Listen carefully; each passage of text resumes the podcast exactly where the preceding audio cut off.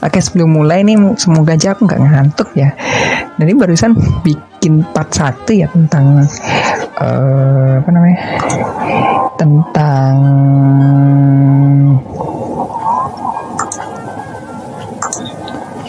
uh, apa namanya sih? Uh, apa nah lupa namanya kan sampai lupa namanya.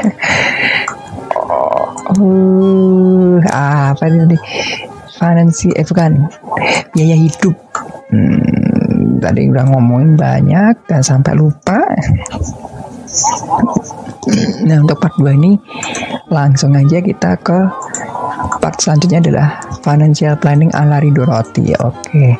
Satu dua tiga dan halo semuanya. Kembali lagi bersama Rido Roti. Dan kalau misalkan teman-teman dengerin suara klik atau suara-suara angin ini aku ngerekamnya di depan kipas teman-teman.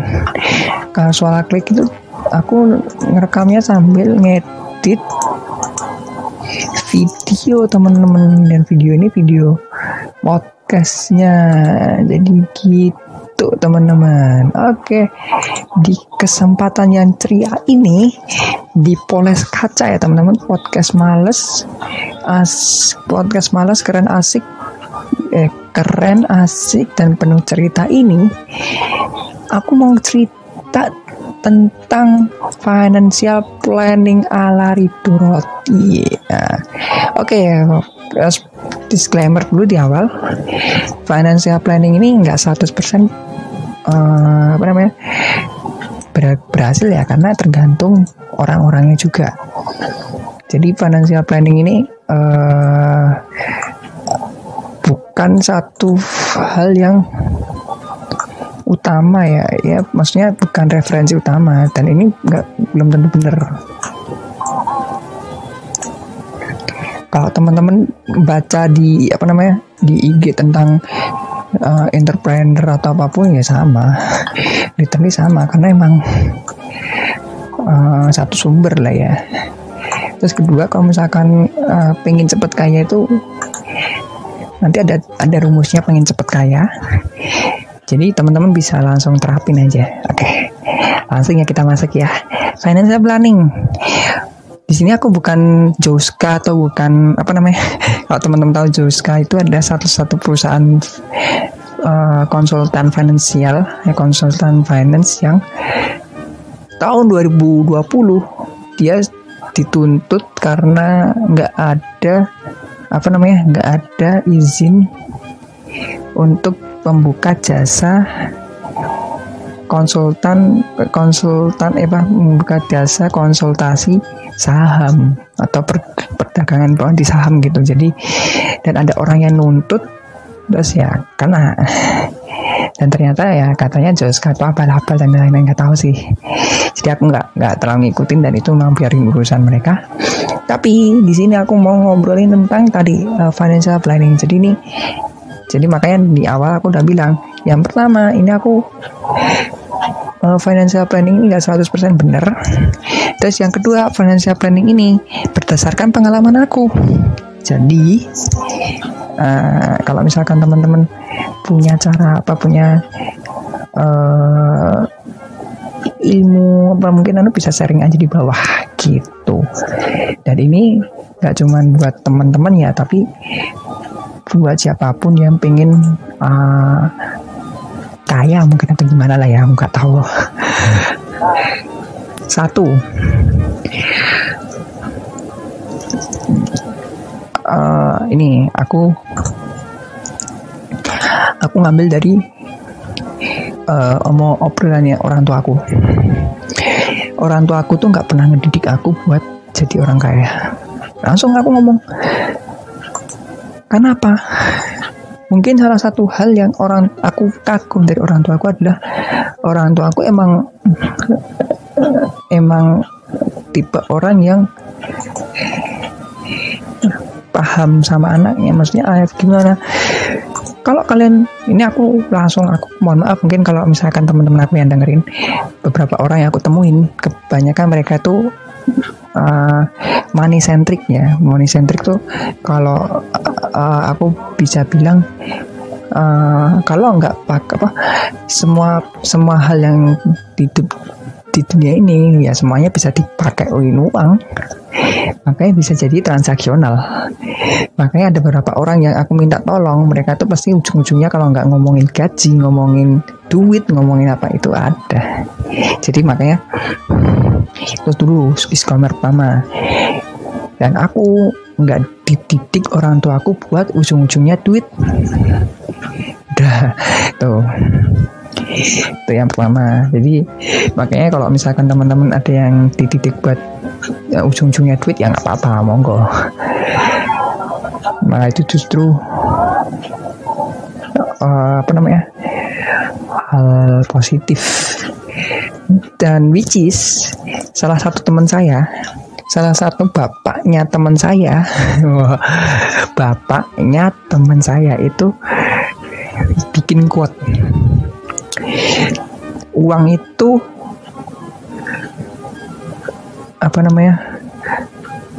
Bentar bahasa tuh aku dulu tuh nge-capture uang itu nggak penting tapi eh, uang uang itu bukan tujuan utama tapi butuh.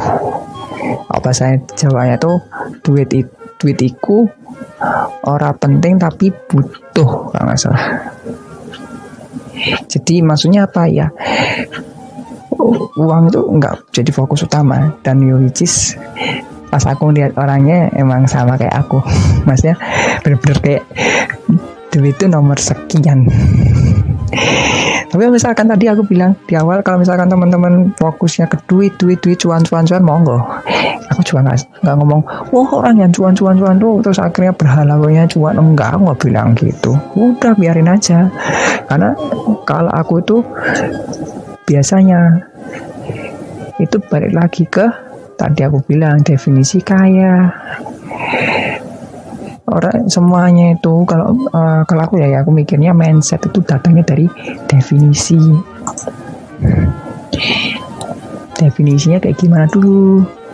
Dan ya kebanyakan uh, definisinya orang-orang itu yang aku temuin ya itu rata-rata itu orang-orangnya mohon maaf langsung aku nyebut ya mungkin aku ngejudge close minded mohon maaf close minded. Kenapa kok bisa bilang close minded? Karena aku ngelihat mereka itu cuma lihat salah satu hal tuh ya cuma boom aja. Kok aku bisa bilang kayak gitu? Ya. Jadi uh, mereka itu mungkin aku mohon maaf kalau misalkan ngecas atau mungkin ada yang kesinggung. Pertama, kok aku bilang uh, kok close minded tuh satu mereka berpikir bahwa dapat duit itu cuma dari gaji. Dan ini banyak orang. Ya mungkin kalau kalian kesinggung mohon maaf ya tadi aku udah bilang. Dapat duit itu nggak cuma dari gaji coy bahkan ada juga yang bilang dapat duit itu dari uh, apa namanya? Dari kayak ya apa namanya usaha sampingan. Enggak enggak. Jadi langsung kita definisi dari awal. Jadi menurut matematika yang namanya kekayaan apa orang itu disebut kaya kalau pemasukannya lebih tinggi dari pengeluaran ini definisi dari aku. Dari, dari aku. Dan rata-rata kebanyakan yang aku temuin rata-rata definisi mereka kaya itu adalah lebih ke wadahnya. Kalau aku perubahannya, tuh. Perubahannya. Dari definisi aja udah kelihatan bedanya apa. Makanya banyak orang yang ngebandingin lebih ke wadahnya, Kayak contohnya ini aku langsung sebutin, wah dia tuh ganteng kaya gitu. Dan tahu nggak dia tuh lihat apa si orangnya itu ternyata punya mobil Lamborghini Jaguar. Kayak contohnya mohon maaf ini aku sebut artis ya Raffi Ahmad. Kalau teman-teman nonton Raffi Ahmad, wah mobilnya mahal banget lah istilah kayak ya kalau teman-teman sekarang pengen beli kan susah kan? Mungkin orang-orang normal kalau beli mobil itu ya susah karena di samping mahal terus kan itu juga termasuk uh, apa namanya termasuk mobil apa luxury mobil dan bahkan barang mewah kan? Dan ya bagi mereka ya itu adalah ciri-ciri orang kaya. Tapi kalau aku aku belum tentu ngomong mohon maaf ya nih aku belum tentu ngomong Raffi Ahmad itu orang kaya. Terus habis itu Raffi Ahmadnya datang. Eh aku punya mobil. Ya sih kamu kaya. Enggak enggak enggak enggak. Ini canda ya. Enggak, enggak enggak. Maksudnya gini. Dari definisi tadi di awal kita ngomong orang kaya itu orang yang perubahan apa namanya laju pemasukannya lebih tinggi dari laju pengeluaran. Artinya apa ya artinya positif. Laju pertambahan duitnya positif. Artinya apa? Aku bisa sebut orang itu punya orang itu kaya kalau kamu bisa nabung. Itu. Kalau kamu nggak bisa nabung aku langsung sebut kamu itu orang yang biasa aja.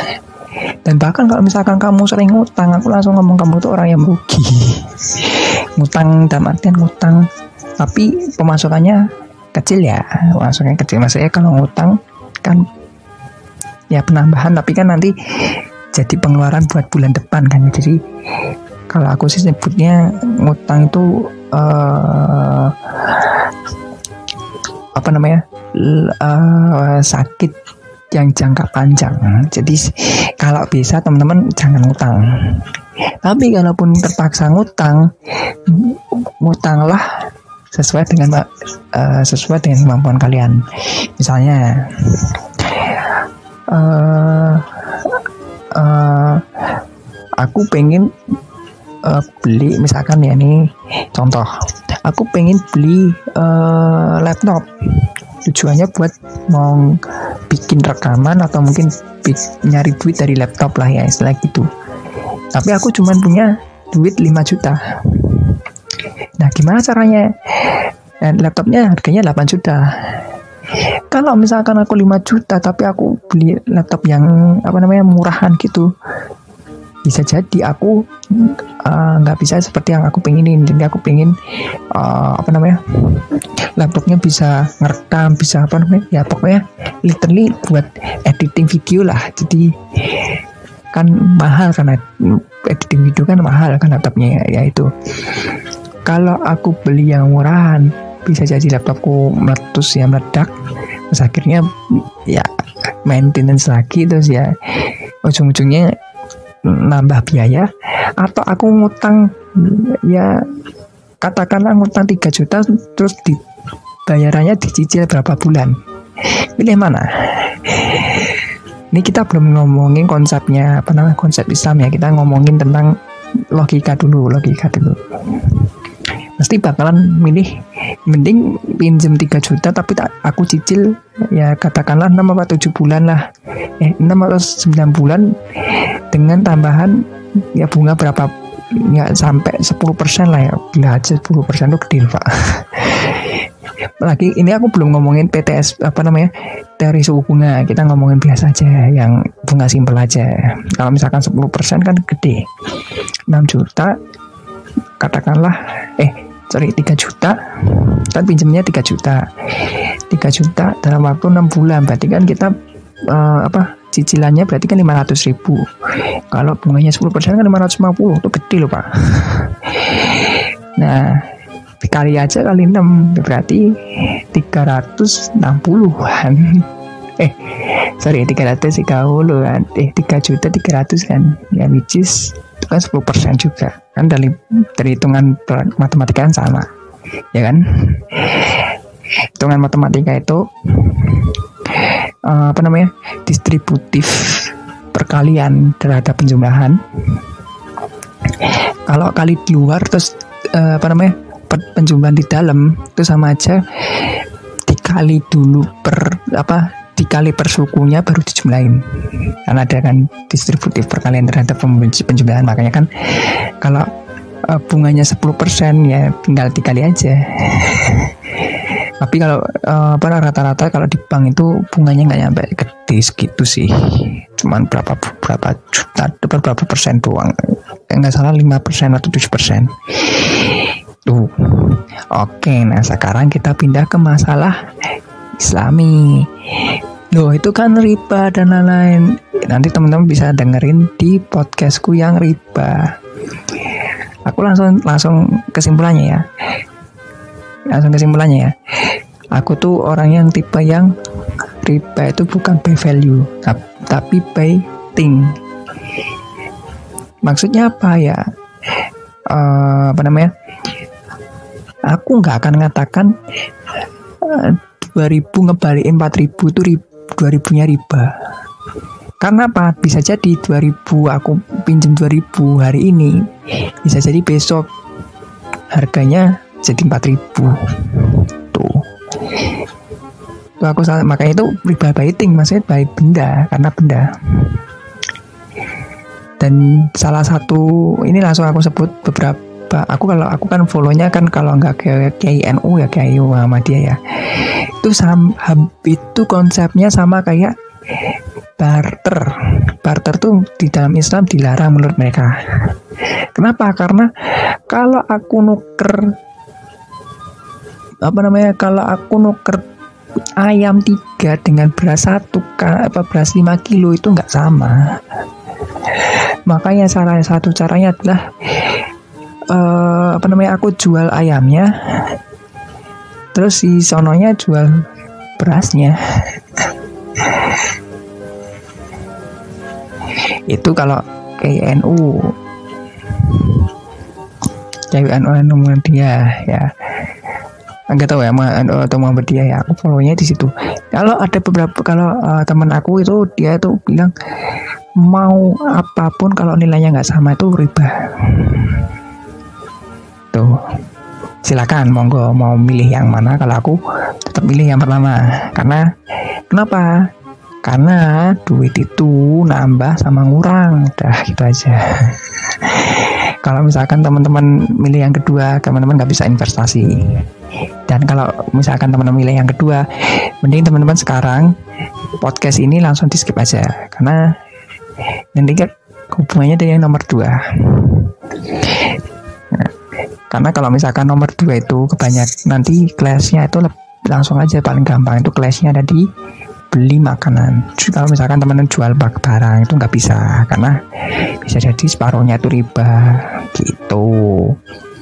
Jadi misalkan aku beli nasi 2000 di toko A tapi aku jual lagi 3000 seribunya aku bisa jadi riba kalau misalkan pakai yang nomor 2 tapi kalau pakai uh, nomor satu bisa jadi aku nggak riba. Kenapa?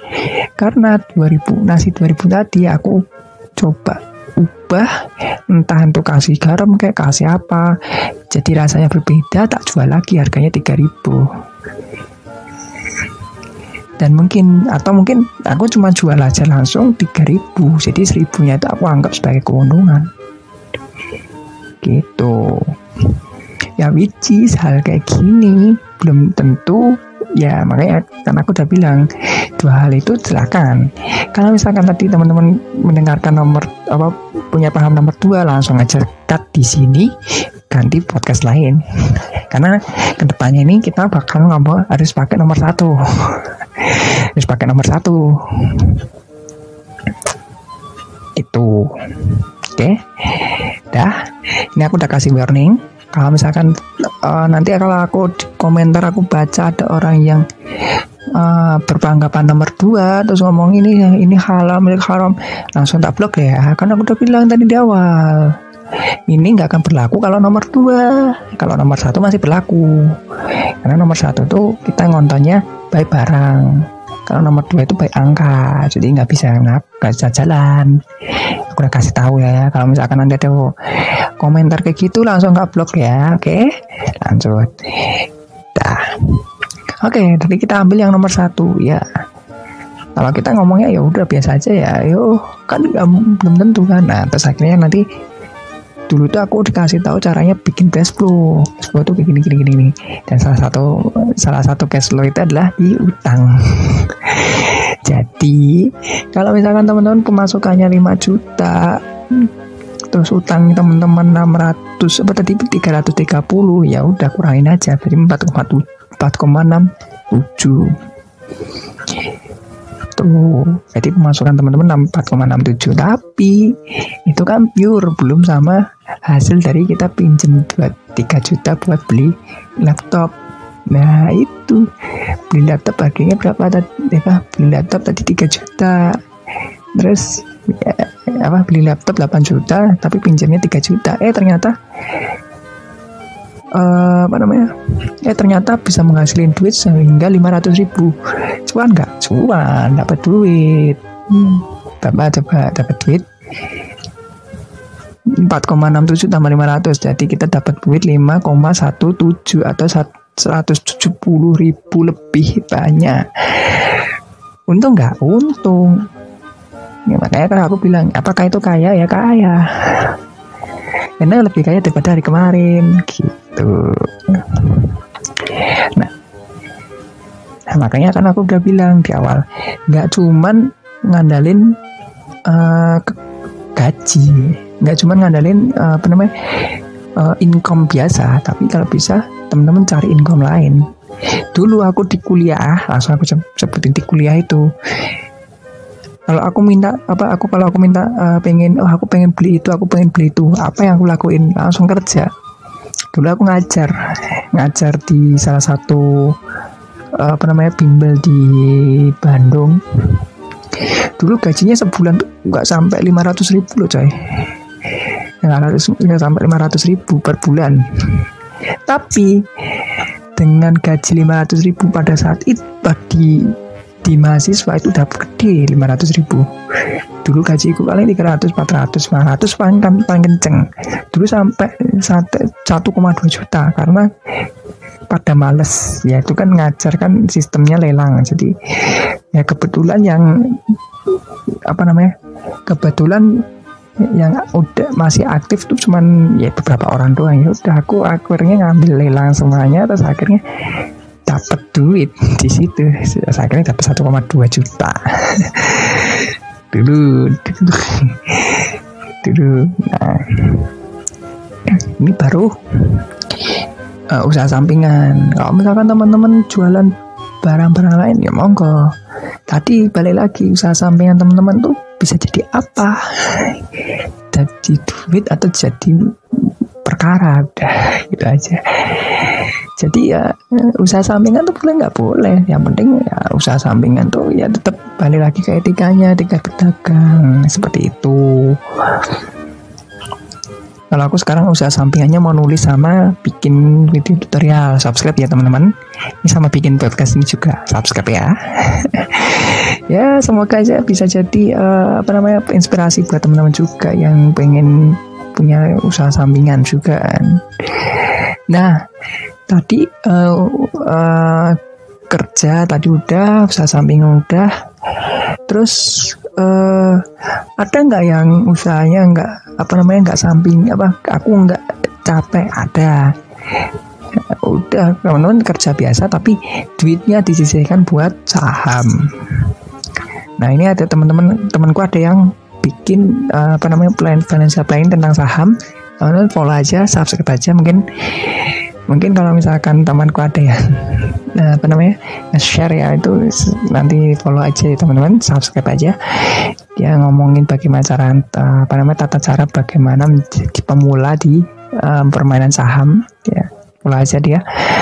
Subscribe mungkin di bawah di deskripsi kalau aku nggak lupa nah ini aku nggak ngasih tips triknya tapi aku bilang aja. Uh, aku tuh kalau ngambil saham apa namanya beli saham tuh aku cuma pinta dividennya aja. Jadi bukan tipe orang yang trading ya misalkan. Aku beli sekarang kalau uh, harga sahamnya tinggi aku ngejual lagi. Enggak aku nggak tipe orang itu gitu. Nggak seluang itu sih aku. Karena aku kan orangnya tipenya jarang buka buka yang buka buka hal kayak gitu. Jadi aku lebih suka nih nanam. Dan which is ayahku tuh selalu bilang gitu ke aku. Kalau misalkan kamu uh, apa namanya dek kalau kamu punya duit kamu beli saham aja tapi nggak usah dijual. Udah simpen aja di situ nanti dapat dividen itu bapakku yang bilang. Hmm. ya BC sekarang aku punya 10 mama ya. Punya 10 perusahaan. Padahal aku cuma nanam cuma berapa lot doang. Satu dua lot dua lot. Paling tinggi, paling tinggi tiga lot. Itu tiga lot itu aku, aku total ya tiga juta dua jutaan dua setengah juta. Itu dapat dividen semuanya itu total itu total itu sampai empat ratus ribu udah sama pajak ya. Tiga ratus eh tiga ratus ribu udah sama pajak tapi per tahun. Karena kan kalau dividen kan pembagiannya per tahun. Kira ribu nah kalau misalkan teman-teman butuh bener-bener butuh duit ya uh, teman-teman uh, deposito aja. Deposito itu teman-teman nyimpen minimal 10 juta terus dapat bunga. Nah bunganya itu bisa dibuat disimpan atau dikirim ke rekening teman-teman. Dan kalau aku kan pilihnya yang disimpan aja karena aku belum terlalu butuh. Jadi uh, tapi syaratnya minimal 10 juta itu susahnya di situ. Jadi ya teman-teman harus kerja minimal. Kalau kayak aku tuh kerja minimal 5 bul 10 eh 7 bulan baru dapat itu. Dan kebetulan aku dapat rezeki nomplok jadi ya langsung aja ya masukin aja lah masuk tes kena. Dapat deposito satu nah ya makanya itu teman-teman bisa cari-cari bagaimana caranya Nah kalau bisa ya teman-teman, nah ini financial planningnya di sini nanti. Nanti aku jelasin di belakang aja. Ya kalau misalkan teman-teman uh, nggak uh, deposito, deh kalau uh, benar-benar pengen cepet duitnya ya cari uh, apa investasi ke, tem ke apa namanya usahanya orang yang kalian terkenal, orang yang kalian kenal. Ya salah satu ini aku dulu diajakin usaha sama temen aku cuman nggak jadi karena covid. Covid 19 emang kurang ajar banget ya. Temanku sampai nggak bisa pulang ke Jawa pulau Jawa lagi. Karena kan dia aslinya dari di Pulau Sono kan terus uh, pas dia balik ada covid ya udah dia nggak bisa pulang. Ya tapi dia dulu pernah janji ke aku mau bikin usaha bareng aku juga. Jadi aku juga salah satu investornya. Ya aku bilang ya aku mau tapi ya segera bikin lah. Gitu. Dan aku juga nyimpen duit di sana ke dia. Karena kan dia juga salah satu uh, trader terpercaya entah kalau duitku dibawa lari ya udah biarin. Gue bakar kan ini kan gampang. Tuh tapi kan kalau temen tuh biasanya agak sedikit riskan. Kalau teman-teman nggak kenal banget. Itu. Aku sering diceritain kalau uh, apa namanya uh, beliau itu uh, apa duit beliau itu dibawa lari. Jadi dia beliau itu nanam saham ke temennya. Tapi temennya itu ternyata bawa bawa lari duitnya. Ya which itu udah udah udah terlalu apa namanya sering banget. Maka dari itu kalau misalkan bikin kayak gitu tuh bikin apa namanya kalau misalkan mau investasi itu bikin MOU-nya teman-teman. Jadi kalau misalkan orang itu bawa lari, teman-teman bisa perkarain gitu. Karena kan kalau misalkan teman-teman butuh banget duitnya gitu.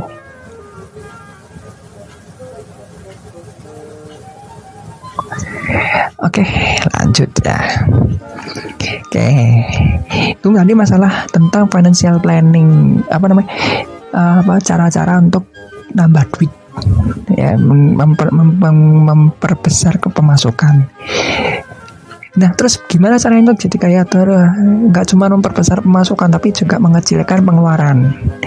Nah ini di sini aku jelasin bagaimana cara memperkecil pengeluaran. Nah tak jelasin. Pengeluaran tuh banyak. Teman-teman harus list dulu pengeluarannya kayak apa aja aku udah ngelis pengeluaranku atau kayak apa aja dan makanya cara satu, satu cara untuk menguranginya adalah dengan berpuasa kalau puasa Senin Kamis kan hitung-hitung dapat 8 hari. 8 hari nggak makan kan jadi bisa lebih murah. Apalagi kan uh, aku kan Sabtu nggak masuk jadi kan enak uh, apa namanya kurang lagi. Dulu aku udah ngitung sekitar 10 kali 6 ya 10 kali apa namanya aku masuk tuh 28 hari. Tuh 280 ribu lah minimal. Itu makan sekali kan 10 ribu aku aku udah, udah set 10 ribu jadi 280 ribu belum sama bensin. Bensin uh, kalau 6 hari eh bensin tuh bisa tahan 10 hari 10 kali bolak balik aku. 10 kali PP jadi 20 kali perjalanan lah ya. 20 kali PP eh sorry 10 kali PP 20 kali perjalanan. Jadi aku udah ngitung pengeluaranku itu sekitar 600 280 380 sampai 400 500 lah. Itu 500 tuh baru minimal. Jadi aku langsung udah tak, tak atur-atur sehingga aku masih punya duit buat nabung. Nah gimana Mas Rido caranya? Jadi gini teman-teman punya pemasukan berapa nih kira-kira. Dan yang pasti aja kalau yang belum pasti hitung aja anggap aja nol. Yang pasti berapa dihitung Terus yang keluar, yang keluar tuh yang pasti aja dulu. Yang belum pasti itu nanti kita masukin ke dana lain-lain. Jadi enak. Nah, kalau bisa makan itu harus tercukupi biar sehat. Kalau teman-teman dengerin di podcast sebelumnya, aku ada bilang aku tuh pernah di Jakarta makannya tuh nggak teratur. Alhasil aku nggak sakit, cuman jadi kurus. Apakah ber berpengaruh? Pengaruh juga karena ya itu bisa jadi sumber penyakit saya tapi ya alhamdulillah nggak nggak sakit ya gitu nah terus uh, porsinya berapa Mas Rido tak omongin ya porsinya itu nggak usah penting kayak contohnya kalau aku makan di Bandung minimal 15.000 ya udah kali aja 15 kali berapa terus kali berapa hari. Tentangnya contohnya aku di Jakarta di Bandung. Aku di Bandung digaji 4 juta 500 misalkan. Aku terus ngitung mas makan tuh ternyata minimal 12 ribu 12 kali 3 sehari karena aku uh, istilahnya ngerantau di sana. Jadi kan aku makan 3 kali sehari 12 kali 3 36 kali 30 berarti sekitar 1 juta 80 ya kan? 36 kali 30 hitung aja sendiri tuh. 36 dikali 3 1, 108 108 kali 011 juta 80 kosnya kos itu aku di sana tuh dulu sampai 600 paling mahal 600 paling mahal. Katakanlah uh, 600 ya 6, eh 700 620 lah biar pas. Eh 700 lah ya 700 jadi 1780 udah masukkan itu empat setengah pengeluaran satu. Uh, tapi sama list belum sama listrik ya anda kapasitasnya 2 juta udah hitung-hitung kita hitung 2 juta berarti dua setengah juta kan kita punya dua setengah juta udah tinggal dua setengah juta. Teman-teman mau muter kayak gimana? Mau bikin usaha kayak atau mau dimasukin saham kayak atau mau diapain? Ya itu. Yang penting teman-teman punya per apa namanya ya itu tadi dua setengah juta. Oh aku berarti nggak pengeluaranku nggak boleh lebih dari sini. Dua setengah juta itu nggak boleh jadi kalau misalkan wah aku pengen hedon ya eh, ambil dari dua setengah juta bukan ambil dari awal. Kalau misalkan kelebihan ambilnya ya sisa kelebihannya diambil dari dua setengah juta gitu. Nanti pas di akhir teman-teman dicek dulu oh berapa nih masuknya berapa kok oh karena aku uh, apa namanya boros hari ini ya udah. Untuk bulan depan ya uh, apa namanya di review lagi review lagi dan review lagi gitu. Kok terlalu simpel ya Mas Rido? Karena setiap orang punya financial planning yang beda-beda. Jadi teman-teman uh, atur-atur saja sendiri. Kalau bisa ya tadi uh, pas sehat lima sempurna tetap sehat dan tetap uh, tetap sehat tetap baik. Terus tetap menjaga uh, apa namanya ya istilahnya kayak uh, kebutuhan jasmani rohani oke. Okay. terus bisa bantu orang lain juga. Ya itu dah, dah nah, menurut aku dah golden lah golden plan dari financial planning gitu. Nah makanya terus aku bilang, apakah dengan gaji uh, kali UMR kita makan bakal makin kaya tak? Jawab langsung belum tentu gaji empat kali UMR tapi kalau hidupmu jadi empat kali lipat berarti kamu itu juga sama aja. Katakanlah gajinya empat setengah terus pengeluarannya 2 juta eh gajinya kamu dikali 4 jadi 18 juta. Tapi kamu pengeluarannya lah dikali 4 juga 8 juta. Ya secara otomatis otomatis ya otomatis teman-teman dapat uh, apa namanya sparenya ya cuma 10 juta tapi 10 juta itu. 10 juta uh kok gede? Ya gede lah 10 juta. Cuman masalahnya kalau misalkan teman-teman 18 juta tapi pengeluarannya 2 juta 16 juta. Nah milih mana 10 apa 16 gitu.